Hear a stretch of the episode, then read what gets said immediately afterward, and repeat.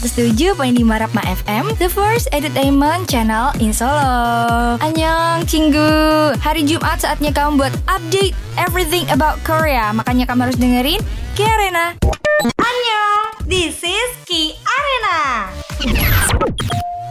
Kampus Brainers, kamu masih ingat gak sih sama kasusnya Lisa Blackpink yang waktu itu tuh sempet dia kena scam sama manajernya dia sendiri alias dia kena tipu sama manajernya. Tapi gak cuma Lisa Blackpink loh sebenarnya, ternyata ada lima lagi artis Korea yang udah pernah juga di scam sama manajer mereka. Gerom, nunggu menikah. Nah ada nih lima artis yang pertama yaitu adalah Song Hye Kyo. Nah Song Hye Kyo ini adalah pemeran utama di Descendant of the Sun ya yang waktu itu sempat booming banget. Dan Song Hye Kyo ini waktu umur 15 tahun waktu dia menjalani karir pertamanya yang bumi waktu itu pada Atom in My Heart dan Full House yang pernah dia perankan. Nah, dia itu pernah juga kena scam di tahun 2005 karena waktu itu ibunya Song Hye Kyo itu tuh menerima email dari anonymous atau dari orang yang nggak dikenal tanpa nama gitu dengan jumlah yang mengejutkan bahwa tuh ibunya Song Hye Kyo ini harus membayar sebanyak 250 million won atau sekitaran ya sekitar 3 miliar sih kalau dirupiahin ya.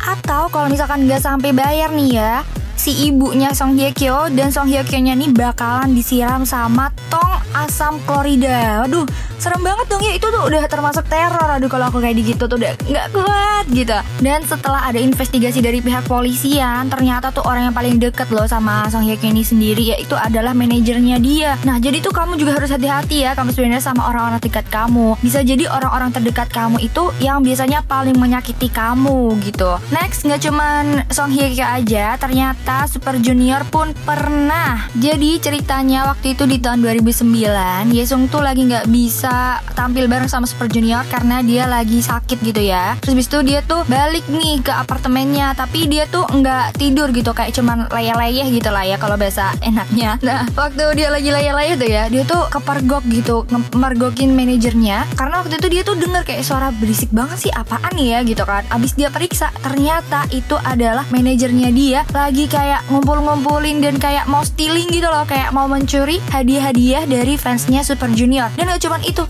ternyata dia juga pernah nyuri uh, barang-barang pribadinya member dari Super Junior ini. Waduh serem juga ya kalau misalkan disantet. Aduh, serem banget.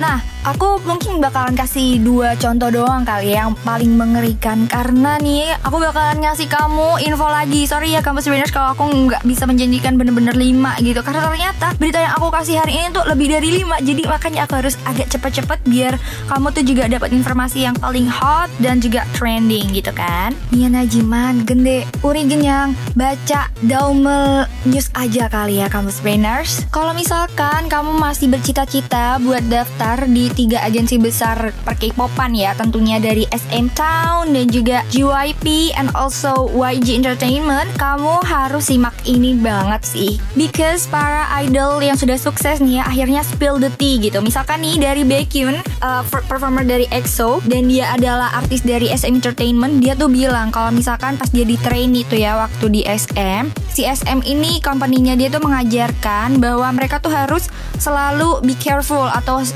hati-hati terhadap orang ataupun terhadap hal-hal yang mereka tuh ngerasa ragu gitu. Mereka sebaiknya bertanya pada manajernya untuk advice atau untuk sarannya gitu. Dan gak cuman itu, mereka tuh sangat diajari tentang wibawa gitu. Jadi mereka tuh diajarin bener-bener gimana sih cara buat menyapa orang properly dengan baik gitu. Dan jadinya tuh gak bakalan heran kalau misalkan artis-artis SM itu kalau misalkan udah terkenal pun mereka tuh tetap aja bakalan punya personality yang baik dan juga mereka tuh bakal bener-bener 90 derajat buat salamnya gitu. Walaupun mereka tuh udah bertahun-tahun gitu di karirnya. Lanjut abis dari SM kita lanjut ke YG Entertainment. Nih yang kemarin barusan mereka comeback nih ya dengan How You Like That. Nah itu adalah Blackpink. Mereka juga kasih tahu bahwa pada saat mereka menjadi trainee juga kontraknya mereka tuh berisi dari 6 rules atau peraturan yang sangat penting gitu.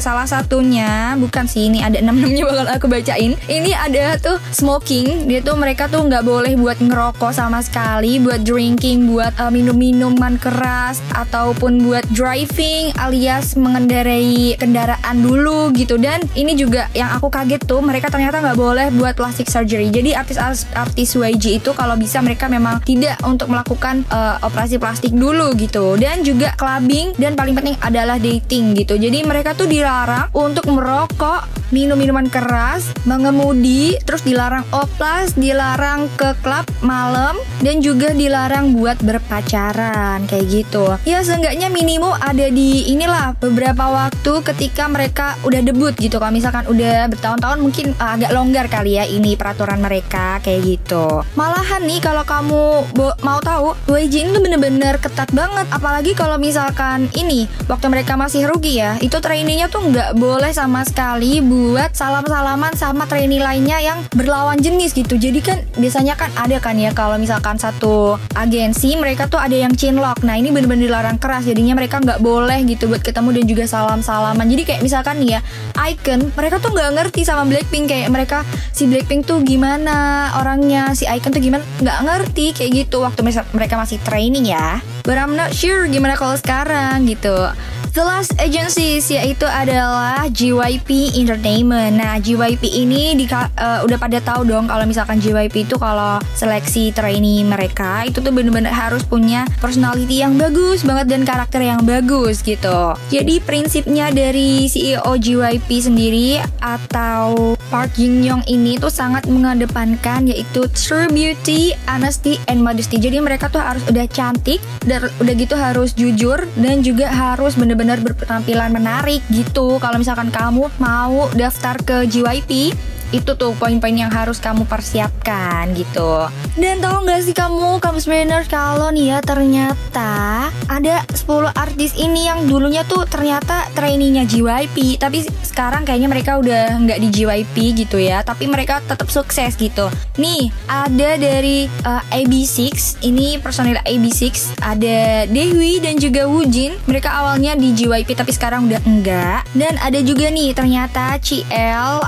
yang performernya Tuniwan dulu. Nah, dia itu ternyata juga awalnya JYP. Abis itu dia sekarang udah ada di YG Entertainment dan sekarang dia ya udah sukses banget lah gitu di Amerika. Dan next ada Chung Ha. Nah, Chung Ha ini kalau kamu belum tahu dia tuh awalnya performer dari 101, Produce 101, tapi sekarang dia menjadi menjadi soloist gitu. Awalnya tuh dia pernah ada di JYP Entertainment pada tahun audisi 2012 gitu. Terus sekarang dia udah live company itu gitu. Terus ada juga dari Peniel, anggota dari B2B. Terus ternyata nih, Shownu dari Monster X juga awalnya trainee dari JYP gitu. Terus ada juga nih Dujon dan juga Gikwang dari Highlight. Mereka awalnya dulu tuh di JYP, tapi sekarang udah enggak. Terus kalau misalkan kamu masih ingat sama BAP, nah dulu si anggotanya yang namanya Young Jae itu ternyata juga awalnya dari JYP loh. Dan ini juga ternyata Infinite, Hoya Infinite. Nah, Hoya ternyata dulu tuh JYP juga. Wah,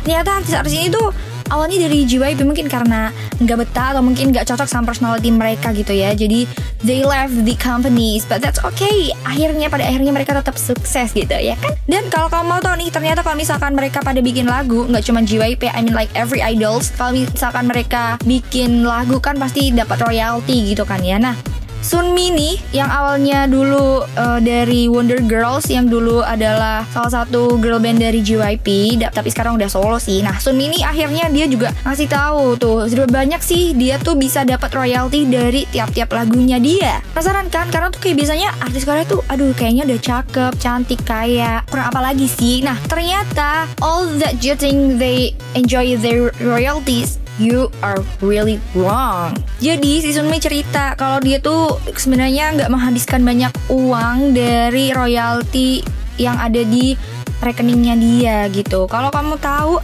dia tuh kalau abis lihat itu, lihat rekeningnya yang dari royalti itu, dia tuh kayak mikir gitu kayak aku tuh harus kerja lebih keras. Nah, semangatnya ini juga tuh yang harus kita tiru ya. Dan gak cuman itu, ternyata waktu dia tuh dulu pertama kali nulis lagunya pas Wonder Girl buat album yang judulnya Ribut. Nah, reboot ya I mean like R E B O O T bukan reboot yang bikin perkara gitu loh ngerti gak sih? Nah itu tuh dulu waktu dia bikin uh, lagu di albumnya itu royaltinya tuh nggak banyak tau. Ternyata ke sekitaran cuman 100 ribuan kalau misalkan dirupiahin ya sekitar 12 jutaan rupiah gitu kayak that's not really much right? I mean like semua orang udah pada dengerin semua orang download tapi ternyata royaltinya nggak cuma nggak ada 100 juta lah kayak gitu kan. Nah dia tuh mulai produksi sendiri dan itu tuh nggak langsung jadi kayak 100 juta won gitu tapi mungkin ya nambah gitu jadi beberapa puluh juta won gitu loh gak apa-apa lah ya seenggaknya dapat pundi-pundi rupiah tuh susah gitu yang penting usaha kita adalah jangan dengerin lagu bajakan nih ya kalau kamu mau harus beli gitu biar artis-artis dan juga semua yang bikin musik tuh ya makin semangat gitu loh menghasilkan karya buat kita semua gitu. Now we're going to the last topic yaitu K-drama. Jum jum jum. Ada apa sih di K-drama kali ini? Nah, karena ini udah berhubung masuk bulan Juli ya. Nah, ada beberapa judul drama yang bakalan masuk list kamu nih. Ada Flower of Evil yang bakalan rilis di bulan Juli ini. Yang main ini adalah Lee Jun Gi yang dulu pernah main di Scarlet Heart Rio kalau kamu pernah nonton. Nah, dia tuh bakalan main di sini barengan sama Moon Chewon. Nah, ceritanya si Lee Jun Gi ini adalah psikopat yang dia tuh nggak punya emosi sama sekali dan dia tuh mengubah identitinya dia dan mencoba buat meninggalkan masa lalunya dia yang gelap gitu. Terus abis itu dia menikahi seorang uh, detektif rumahan yaitu Moon Chewon ini dan mencoba buat uncover the truth. Alias bakalan mengungkap kebenaran. Dan ada juga yang bakalan tayang. Ini adalah drama Skyfire Romance. Judulnya itu Train atau kereta ya kalau bisa Indonesia kan. Nah ini ceritanya tuh ada detektif yang bakal diperankan sama Yoon Si Yoon. Yang ceritanya tuh dia tuh dibunuh sama serial killer terus habis itu dia menemukan ada ternyata dunia paralel lagi nih ada dunia paralel di mana dia tuh di sana masih hidup dan bekerja untuk melindungi dirinya kayak gitu loh. Dia tuh bakalan tayang sekitar 11 Juli ya. Terus abis itu ada juga Into the Ring. Nah Into the Ring ini adalah drama kom romcom ya romantic comedy di mana ceritanya tuh kayak cewek yang sangat pede dan juga positif namanya nih Nana yang bakal diperankan sama Nana itu dia caranya ngehandle sama civil complaints kayak komplain-komplain dari masyarakat gitu dan dia tuh bakalan jatuh cinta sama lelaki PNS yang ternyata dia tuh kutu buku banget gitu. Nah ini bakal diperankan sama Park Song Hoon yang bakalan tayang dan ternyata udah tayang kemarin tuh tanggal 1 Juli. Terus ada juga ini bakalan ada What is Love? Nah What is Love ini adalah drama yang bakalan diperankan sama Song Ji Hyo. Ini ceritanya Song Ji Hyo nih jadi single mother yang seorang produser movie, tapi dia tuh kurang beruntung gitu. Terus abis itu kehidupannya dia tuh bakalan goyang-goyang gitu lah ya. Biasanya drama banyak drama gitu. Setelah ketemu empat cowok nih, ada Son Ho Jun, ada Song Jong Ho, dan juga Kim Min Jun. Terus ada Ku Ja Song nih. Kira-kira gimana nih ya kehidupan single mother yang didatangin sama empat cowok cakep. Nah, ini bakalan tayang sekitar tanggal 8 Juli nanti gitu. Terus kalau misalkan kamu masih nggak sabar ya sama drama yang bakalan tayang, kamu bisa dulu tuh nyelesain drama-drama yang sekarang masih ongoing. Ada dari Backstreet Rookie yang pernah kita bahas kali ya, itu dramanya dari Ji Chang Wook dan juga Kim Yoo Jong yang jadi pegawai di store atau di minimarket gitu lah ya yang bukannya sekitar 24 jam. Nah, ini ceritanya tuh bakalan kayak romcom sih menurut aku, romance comedy gitu ini juga bagus. Terus ada juga next yang masih airing gitu. Ini ada Okay Not to Be Okay. Aku udah pernah bilang ini di podcast kemarin ya. Kalau It's Okay Not to Be Okay ini tuh ceritanya healing romance yang ceritanya ada pekerja kesehatan jiwa namanya Kim Soo Hyun. Bukan nama sih, diperankan sebenarnya. Nah, dia tuh tertarik sama penulis cerita anak-anak yang dia tuh ternyata psycho gitu. Nah, diperankan sama So Ye Ji. Kira-kira gimana ya kisah cinta mereka? Nah, tonton dong makanya. And ini juga bakalan ada yang udah mau habis di bulan Juli ini nih. Ada dari Dinner Mate. If you don't see this, you have to see this because uh, orang-orang di sini cakep-cakep sih. Nah, Dinner Mate ini itu ceritanya adalah dua orang yang awalnya tuh asing nggak kenal gitu diperankan sama Song Seung Hon dan juga So Ji Hye. Nah mereka ini sebenarnya terkenal sih udah banyak juga mereka main di drama. Kalau misalkan kamu nggak tahu bisa googling dong abis ini. Nah ceritanya nih mereka berdua ini yang diperankan sama Song Seung Hon sama So Ji Hye ini itu tuh tumbuh menjadi lebih dekat dan juga menjadi healing dari masa lalu mereka yang menyakitkan setelah ketemu dan sering makan malam bersama gitu. Aduh aku jadi kangen sama dinner mate aku juga deh. Nah kalau misalkan kamu kangen nih mending kamu nonton ini aja deh ya kamu Oke okay, that's it karena aku udah janjiin kamu banyak banget ternyata ini udah bermenit-menit juga ya aku ngasih tahu kamu berita. Nah jangan bosan-bosan buat dengerin kayak Arena because I like